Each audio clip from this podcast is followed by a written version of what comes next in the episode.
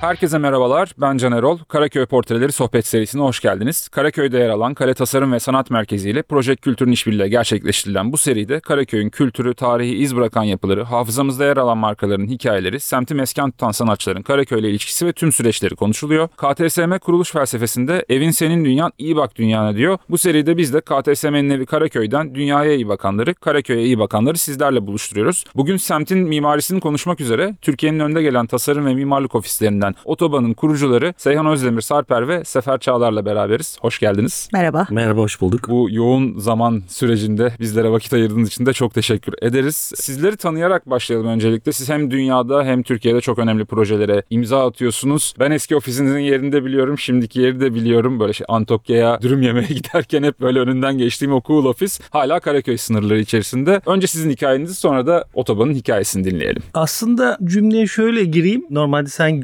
girersin ama aslında hep mahallede olduğumuzu hatırladım şimdi böyle deyince. Hakikaten Antoçya'yı da çok severiz. Tek ofisimiz orada değildi daha doğrusu kiracı olunca. Aynı zamanda az ileride köşede güzel bir mobilya galerimiz vardı. Ondan sonra hep mahallede bir takım böyle değişik yerlerde olduk şimdiki yerimize gelene kadar. Sefer'le Mimar Sinan'da tanıştık üniversitede. Ben mimarlık okuyordum birinci sınıfta. Sefer de iç mimarlık ikinci sınıftaydı. Çoğu zaman birçok yerde bunları konuştuk. Tekrar etmeyelim ama o günden beri birlikte çalışıyoruz. Mezun olduktan sonra hatta okul yıllarında kendi freelance e, stüdyomuz vardı. Daha sonra da yolumuzu artık bir isim altında, bir marka altında birleştirdik. Otobanı kurduk 2003 yılında ve de Galata'da. Yine bu mahallelerin sınırında. Galata'da 2003 yılında ofisi kurduğumuz bina e, Lüleci Hendek'le Dibek Sokağı'nın köşesinde bir penceresinden Galata Kulesi'ni gören, diğer penceresinden de Tarihi Yarımada ve Haydarpaşa'yı gören tam köşe binaydı Angel Apartmanı. Angel Bey de binanın sahibi ve ismini veren kişi Prost'la birlikte İstanbul'un ilk imar planında e, Lütfü Kırdar'da çalışmış danışmanlık yapan bir mimar idi. Rahmetli oldu. Bunun farkında olarak mı tutmuştunuz orayı Hayır. yoksa tamamen tesadüfler bir araya gel harikaymış. Tamamen tesadüfler sonucu bu noktaya gelmiştik ama tabii öğrenince bizim için daha da kıymetli oldu. Bu bahsettiğim iki pencerenin bir tanesinde bir odada Sefer çalışıyordu. Onun manzarası Galata Kulesi'ydi. Benim manzaram da Haydarpaşa ve tarihi Yarımada'ydı. Dolayısıyla aslında üniversite yıllarımızdan başlayan Karaköy Galata kültürü ilk ofisimizi açtığımız lokasyonla birlikte daha da pekişti. Bu mahallelerin çocuğu olarak büyümeye devam ettik. Siz kendinizi bir hikaye anlatıcısı olarak konumlandırıyorsunuz otoban özelinde. Bu bence çok kıymetli bir şey. Yani tüm markaların bence bu kimliğe sahip olması lazım. O zaman uzun soluklu işler çıkıyor ve hani unutulmaz imza işler çıkıyor. Peki Karaköy'ün ve Galata'nın bu hikayede yeri nedir? Nasıl bir havuzdan beslendiniz? Çünkü sizin öğrencilik yıllarınız da Karaköy'e dayanıyor. Karaköy'ün en uç noktasında başlamışsınız Mimar Sinan'da. Sonra içerilere doğru girmişsiniz. Nasıl besledi sizi? O yıllarda 90'larda Karaköy nasıl sizin pencerenizden? Tabii Karaköy Galata'yı seçmek bizim için bir seçimden öte karşımıza çıkan bir şeydi. Yani ben buralarda büyüdüm. Hep buralarda okudum. İlkokul, ortaokul, Beyoğlu, Ömer Hayyam'da Galatasaray'da oturduk. Paramıza göre birazcık olunca Gümüşsuyu, Cihangir buralara geçtik ama hep buralardaydık. O tanıdıklık duygusu benim için çok iyiydi. Seyhanlı'da Mimar Sinan Fındıklı'da tanışınca hep aslında buralarda olmak istiyoruz gibi anladık. Çünkü biz böyle çok daha kreatif bir şey yapmak istiyorduk. Onun için akıla ilk gelen iş yerleri gibi bir yerlerde olmak istemedik. Bu bulduğumuz yer de bizi hakikaten düşündüğümüzün ötesinde etkiledi ve tabii ki Karaköy'de o dönem daha çoktu. Bu küçük üreticiler. Bizde tam uğraştığımız şeyler hep prototip yapalım konusu çok önemlidir. Denersin, bakarsın, bir daha denersin, bir daha bakarsın. Hep de tanıdığımız mahalledeki şeylerdi. Böyle e, komşularımızdı ve dolayısıyla öyle başladık. Sizin güzel bir lafınız var bir röportajınızda. Azlıktan çok öğreniliyor, çokluktan pek öğrenilmiyor diye. O dönem Karaköy'de de her şeyin biraz az az olduğu bir dönem. Daha endüstriyel bir zaman. Benim babamın da burada bir seslendirme sistemleri atölyesi vardı. 81 yılından beri. Yani bugünkü halinden çok farklı bir Karaköy vardı. Dolayısıyla o sizi nasıl, üretim süreçlerinizi nasıl etkiledi? Çünkü siz daha bütünleşik bakıyorsunuz olaya. Sadece iç mimarlık ya da mimarlık değil. İçindeki bir binanın mobilyasına kadar tasarlayan bir oluşumsunuz. Burada hani o semtin nabzını nasıl tuttunuz? O semt sizi nasıl etkiledi? Aslında çok enteresan. İnsan şimdi biz tasarım yaparken de proje yaparken de aslında önünüzdeki baktıklarınızla yapıyorsunuz. Hep bir sınırlarınız olmalı. Sınırsızlık çünkü bir şey getirmiyor. Boşluk getiriyor. Sınırlar iyi oluyor ve sonunda bir şey çıkıyor. Altı altına da imza atıyorsunuz. Doğru ya da yanlış hiç önemli değil. Dolayısıyla önümüzdeki malzemeler neydi? Hakikaten şu malzeme, bu metal, bu bir şey, bir şey. Onlarla bir şey yapıyoruz. Dolayısıyla bizi direkt etkiledi. Aydınlatma tasarımlarımız ilk Spider'ı hatırla. Avizecinin göbeğiydi. Ya da bir lambamız var. Lambacıların malzemecileri var. Ona gidip sanki öyle 5 dakikada toparlamışsın gibiydi. Hep böyle onlarla yaptık. Şu anki yaptığımız şey de aslında onun bir benzeri.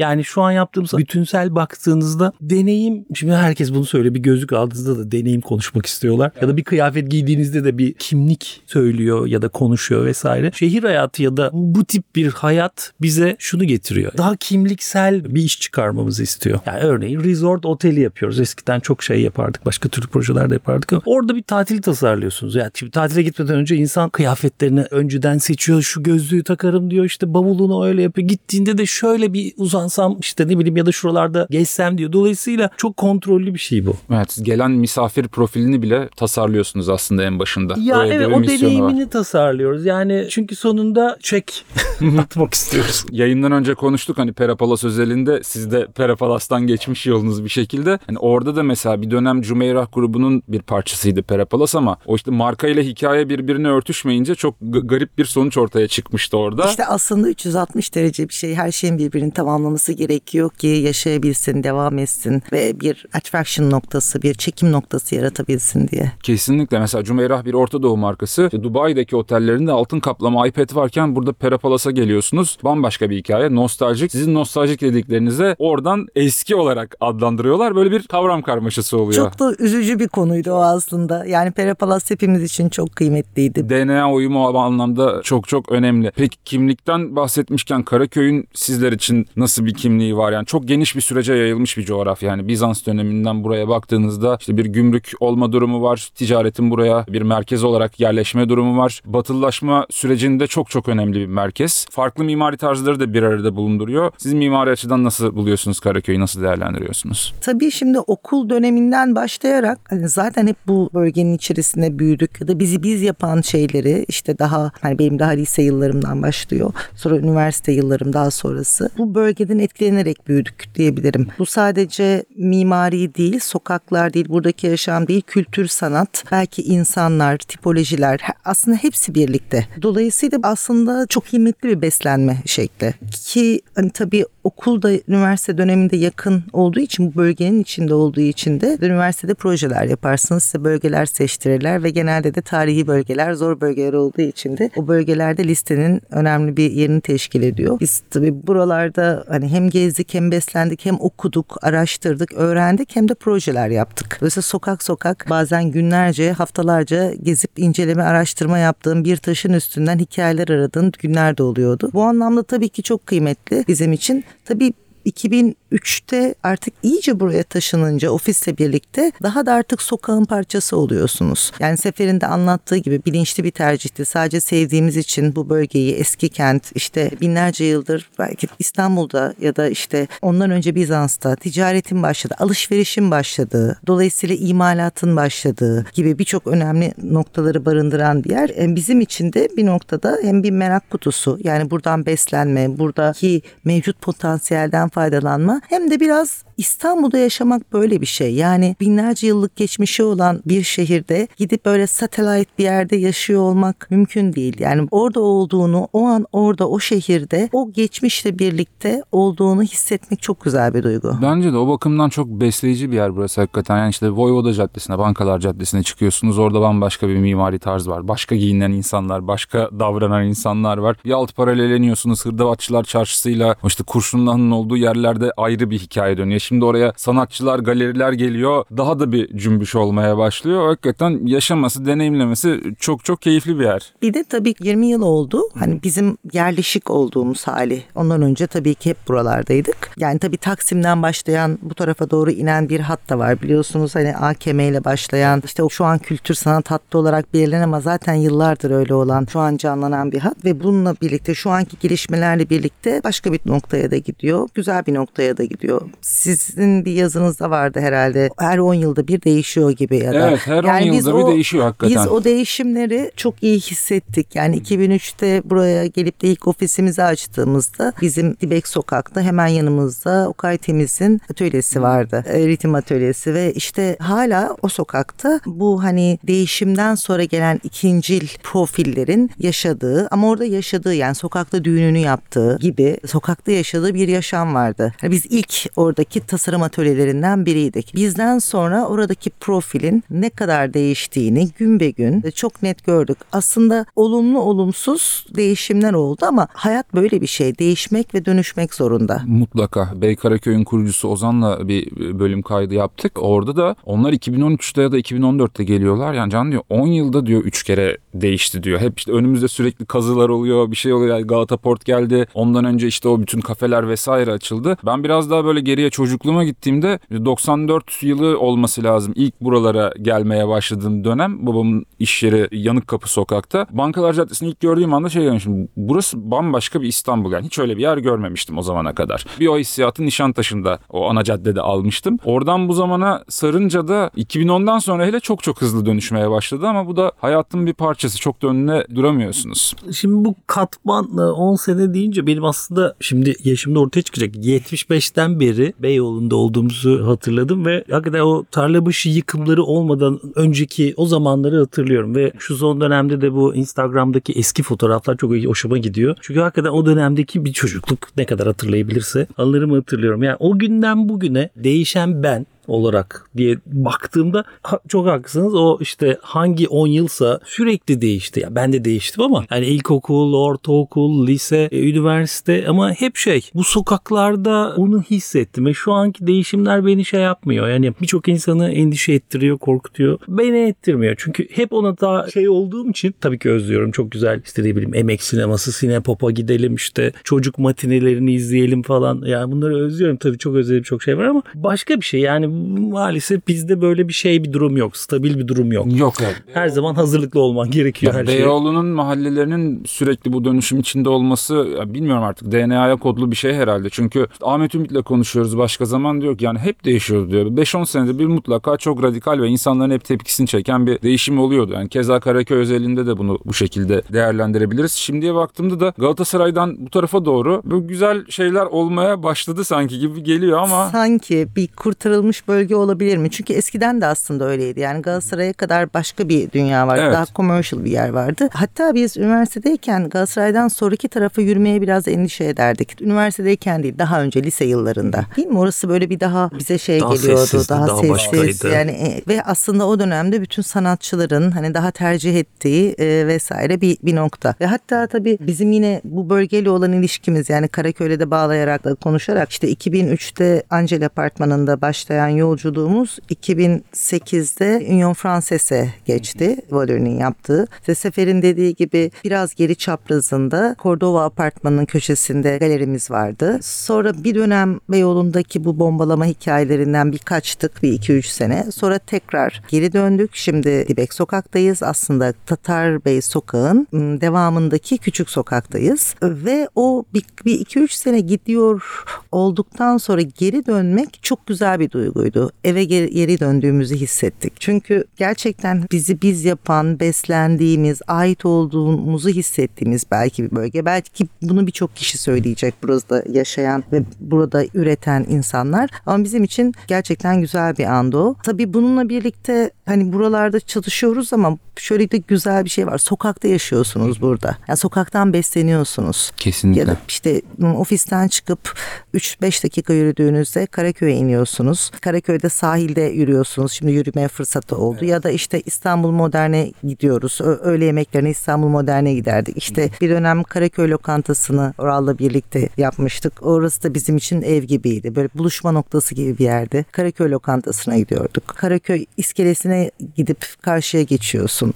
Ya da işte Galata Köprüsü'nden karşı tarafa doğru yürüyorsun. Başka duygular bunlar. Çok alternatifli bir yer burası. Bir de hani mimarlık ofisi olan iki kişi için herhalde daha doğru bir yer olamaz diye düşünüyorum. Yani en doğru yerlerden biri sanki Karaköy. Ben hep onu diyorum. Yani ticaret hayatına bulaşmak isteyen herkes mutlaka Karaköy'ün tarihini okumalı. Çünkü çok fazla done var. Bir de bu arada kreatif süreçlerden geçen kişilerin buradaki binalara, buradaki sokaklara ayrı bir gözle bakmaları gerekiyor sanki nacizane görüşüm. Her bölümde de neredeyse bu buradan gidememe ve en nihayetinde buraya dönme halinde hep konuşuyoruz. İşte Güllüoğlu Kat Otoparkı yıkıldı. Karaköy Güllüoğlu'nun altında bulundu. Onlar yine az ileriye taşındılar. İşte yine o bölgede bulunan Köşkeroğlu yine Karaköy'de kaldı. Yine benzer bir yere taşındı. Namlı yine oraya. Hani ki bu insanlar bir AVM'ye gitseler, daha böyle ticari odaklı düşünüp başka noktalara gitseler belki daha ciddi kar maksimizasyonu yapabilecekler ama bu semtin yapısını öyle bir sahiplenmiş ki çok kolay terk edemiyor. İşte koskoca Perpa yapıldı ama Perşembe pazarı olduğu yerde duruyor. Hala hırdavatçılar orada. İşte bu kadar hırdavatçılar açıldı diyeyim. Hırdavat zincirleri açıldı. Ama hala insanlar buraya bir şekilde geliyor ya da insanlar buradaki mesleklerini, e, iş yerlerini terk edip gitmiyorlar. Mimarlar özelinde peki sizi en çok etkileyen mimarlar ve yapılar nedir Karaköy'de? İşte Monjeri'nin yapıları var, Voleri'nin yapıları var. Baktığımızda işte Mimar Sinan'ın tabii kurşunsuz kurşunlu han var artık. Maalesef kurşunları zamanla götürülmüş diyelim. Sizlerde en derin izleri bırakan yapılar hangiler? Aslında her yapıya baktığınızda bir hikaye buluyorsunuz. Beni etkileyen o. Tek bir tanesini söyleyemeyeceğim ama hani geçmişte burada yaşamış mimarlık ofisleri, işte ne bileyim eski iş yapan kişiler kimse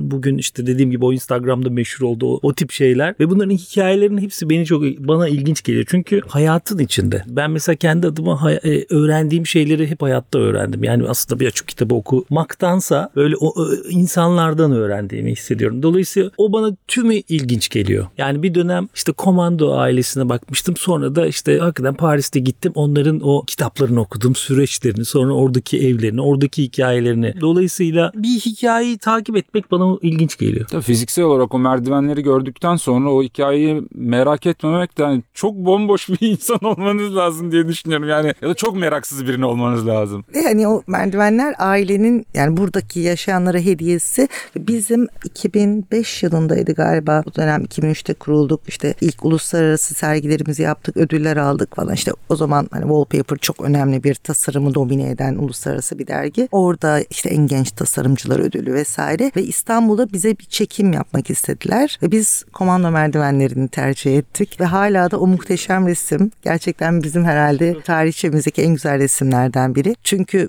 biz o noktada İstanbul şu anki İstanbul değildi. İstanbul'dan çıkan bir tasarımcı diye bir şey de söz konusu değildi ve gerçekten o resim çok ikonik oldu. Hem çağdaş tasarımı temsil eden genç tasarımcılar ve İstanbul ve komando merdivenleri. Paylaşırsanız çok seviniriz. Belki hatta böyle bu bölümü tanıtırken o resimlerden de faydalanma şansımız olur. Hakikaten yani fotoğrafik olarak da çok güzel eser diyeceğim artık yani başka bir şey. Adam torunları okula daha rahat gitsin diye yaptığı bir şey. Aradan onlarca yıl geçiyor ve e, hakikaten şehirde bir e, nişane oluyor. O anlamda da çok çok önemli. Geleceğinde Karaköy'ün mimariyi nasıl görüyorsunuz? Yine bir değişim sürecindeyiz. Bir meydan geliyor şimdi. Katı Toparkı yıkıldı. Galata Port geldi. Postane tekrar açıldı. Ya hakikaten şöyle bir kafayı kaldırdığınızda daha güzel bir şeyle karşılaştığımız da benim tarafımdan bir gerçek ama tabii ki de burada farklı görüşler de olabilir. Tabii çok tartışmalı bir konu. Zaten bu diyaloglar güzel aslında. Yani bizim kendi kültürümüz ve toplumumuz için bunları konuşabilmek güzel. Ben genelde pozitife buluyorum. Niye? Çünkü o dönemler biz bütün o Galata inisiyatifi diye bütün orada projeler yapardık. Galata Port zamanında, şey okul zamanında Galata Port bölgesi için. Bir duvardı. Bizim hiçbir zaman girmediğimiz ama şu an en azından girebiliyorsun. Evet. Ve etrafında sokaklarda gezebiliyorsun. Ben daha pozitif buluyorum. Şehrin bu tip böyle kadim eski şehirlerin dönüşerek değişmesi çok daha aslında nasıl diyeyim hem kabul edilebilir ya da şehrin kimyasına uygun. Yani burada böyle bir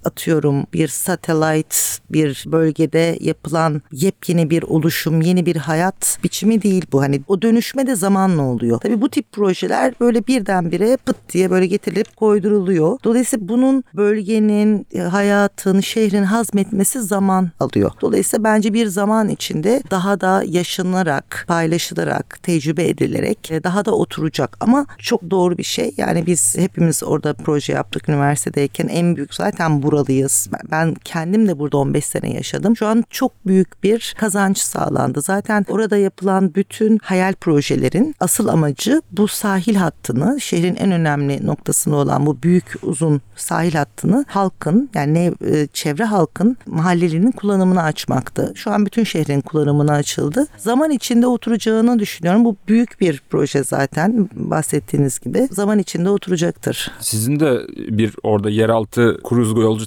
terminalinde bir eseriniz var. Orada nelerden esinlenerek o yapıyı oluşturdunuz? Çünkü yer altından bir karşılama hikayesi var mı başka şehirlerde çok sıklıkla kullanılan bir metot mu yoksa buraya özgü bir hikaye mi oldu? Bu e, dünyanın ilk yeraltı kruz terminali. Bunu zaten aslında bu bizim fikrimiz değil tasarımcı olarak. Buradaki geliştiricinin danışmanlarla birlikte bu sahil hattını kullanabilmek adına, halka açabilmek adına geliştirdiği bir proje. Çok da doğru bir proje. Hani biraz sonradan hani projenin başlamasından sonrasına denk gelmiş bu kararın alınması. Bizim elimize böyle 30 bin metrekare harika bir kolon tarlası. Oh. Tabii cesaretli bir fikir aslında. Çok bunu. cesaretli bir fikir. Yapabilmek kolay değil. Aynen. O kapakları aç, insanları içeri sok, aşağıda yönleri kolay kaybolmasın. bir iş değil.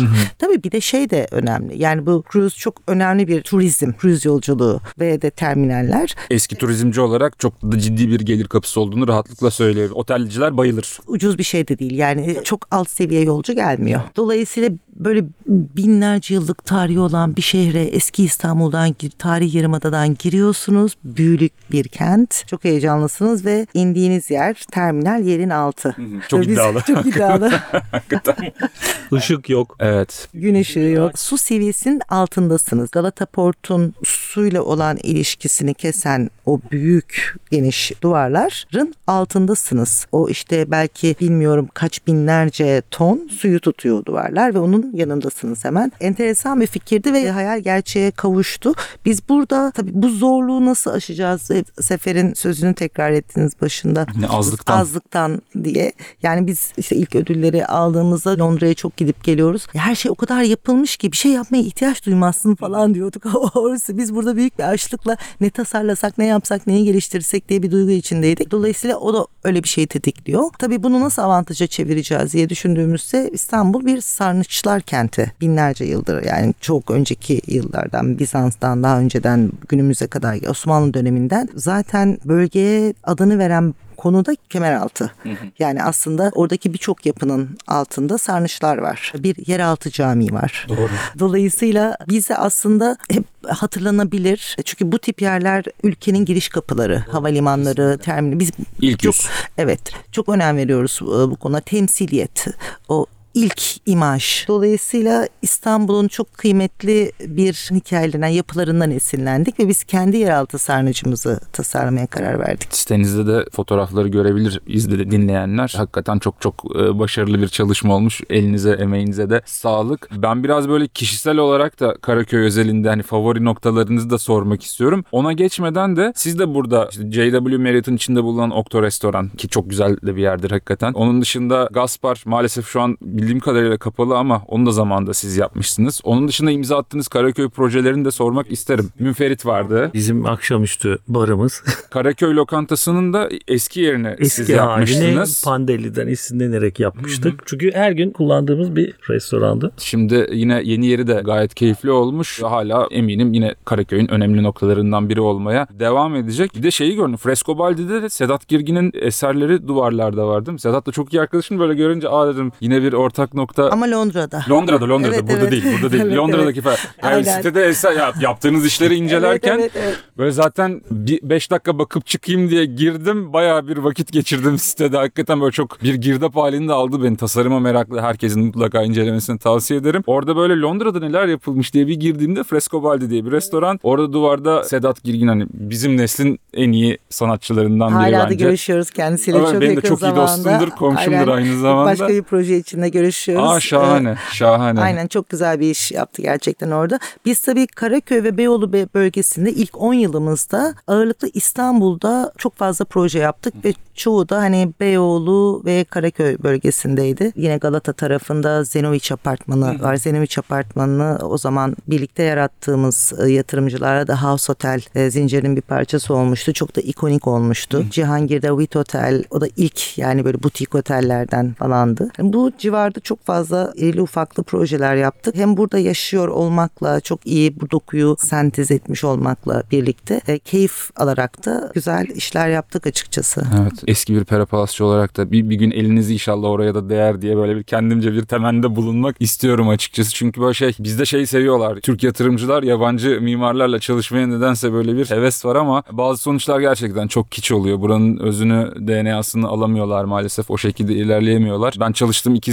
zincirde bunun negatif taraflarını gördüm açıkçası. O yüzden umarım böyle bir kendimce temennide bulunmuş olayım. O güzel Alexander Waller yapısına siz de bir yakında temasta bulunursunuz diyeyim. Estağfurullah. Tabii özgün fikir çok önemli. Yani Perapalıs'ın hatta bir arkadaşım hediye yaptı. Perapalıs'la ilgili bir kitap e, şey yaptı. Oradaki hikayeler inanılmaz yani. Biraz önce şey konuştuk hani bizim geçmişteki işte o katmanlı zamanımızı düşündük ama bizden önceki neler var? Yani bir sürü nesiller var, değişik değişik milletler var. Buraya gelmiş gitmiş falan. Ne hikayeler var? Perapalıs'ta da öyle. Hakikaten Atatürk gelmiş falan olmuş filan olmuş. İşte İstanbul ele geçirilmiş falan vardır ya böyle. Bi- bitmeyen hikayeler var gerçekten. Yani ben her tur yaptığımda ayrı bir hikaye anlatıyordum. Her gelen böyle bir abda mı olmuş burada şeklinde kalıyordu. Bir de buranın bu katmanlı yapısı var ya yani Cenevizlerden başlayan ondan sonra Venedik tacirleri yok diğer Rumlar, Ermeniler, Beyaz Ruslar bu böyle kozmopolit yapısı burayı hep diri tutmuş. Evet. Bu fetihten sonra bile özel bir bölge burası. Yani bakıyorsunuz ya da ilk de değişimler de burada. İşte Arap Camii bir kiliseden hani fetih sonrasında ilk dönüştürülen kilise oluyor. Bir yandan ama ticari hayatta da ayrı bir konum veriliyor ki yani çok önemli bir yer burası. İşte Venedikliler gidiyor Cenovalılarla ittifaklar kuruyor burada farklı bir güç sahibi olmak için. O kadar hikaye varken böyle çok klişe ve kiç hikayelerle tasarım değerlendirmesi de biraz böyle son görücü olarak diyeyim tüketici değilim. Biraz insanı üzüyor bazen açıkçası. Yani işte o yabancı mimarların çok e, Türk bayrağından esinlendim buraya hemen kırmızıyı patlatalım şeklinde gelmeleri üzüyor maalesef. Şimdi mesela Hilton Bosphorus yapıyoruz. Oradaki 6 ay hikaye çalıştık. Yani işte Hilton'a baktığında ya 6 ay insanlarla konuştuk işte şairlerle tanıdığımız böyle E, gittik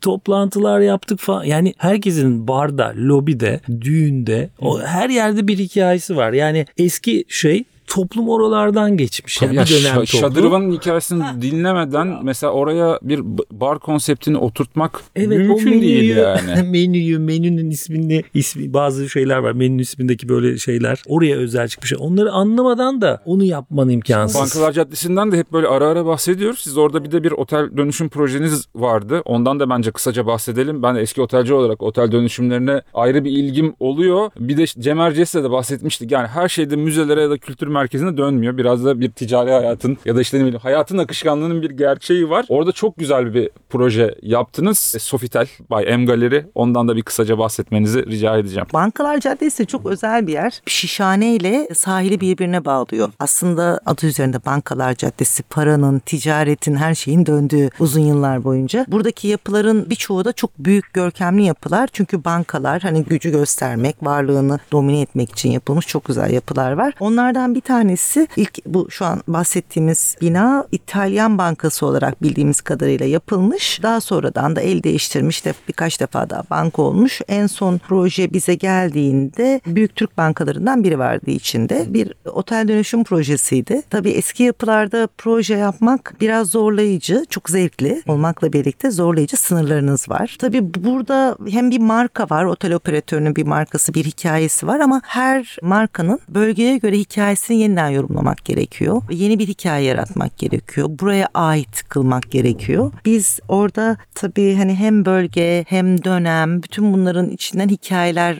okuduk, araştırdık ve kendimize göre şöyle bir çıkış bulduk. İşte has bahçe, balat, buradaki bahçeler, buradaki evler gibi ve mevcut yapıyı o dönemin hikayesinin bu dönemki çağdaş yansımasına çevirdik. Çok güzel dokular kullandık orada. Çok güzel hem ahşap hem taş, Yani hem geçmişe referanslar veren hem de bugünün çağdaş yüzünü ifade eden yaklaşımlar geliştirdik. Çok da keyifli bir proje Çok oldu. da güzel bir çatı katı var. Ruhundaki restoranda çok, çok hoş. manzara. Hakikaten. İşte bankadaki bu eski en eski bankadan herhalde kalan işte kasaları da kullandık. Evet, Görmüşsünüzdür kasalar da var. orada lo- şeyde duruyor. lobi Lobide barın duruyor. etrafında aynen onu bir yapı elemanı yani mimari bir eleman yüzey elemanı gibi kullandık. Hep binanın önceki dönemlerine de referans vermek istedik. Çünkü hafızaları yaşatmak çok önemli. Biz şehirde her şeyi yıkıyoruz. Sürekli yeniliyoruz. Oysa hani bizim korumamız gereken sadece belli dönem yapıları değil, şehrin geçmişten günümüze gelen hafızalarını koruyor olabilmek. Kesinlikle.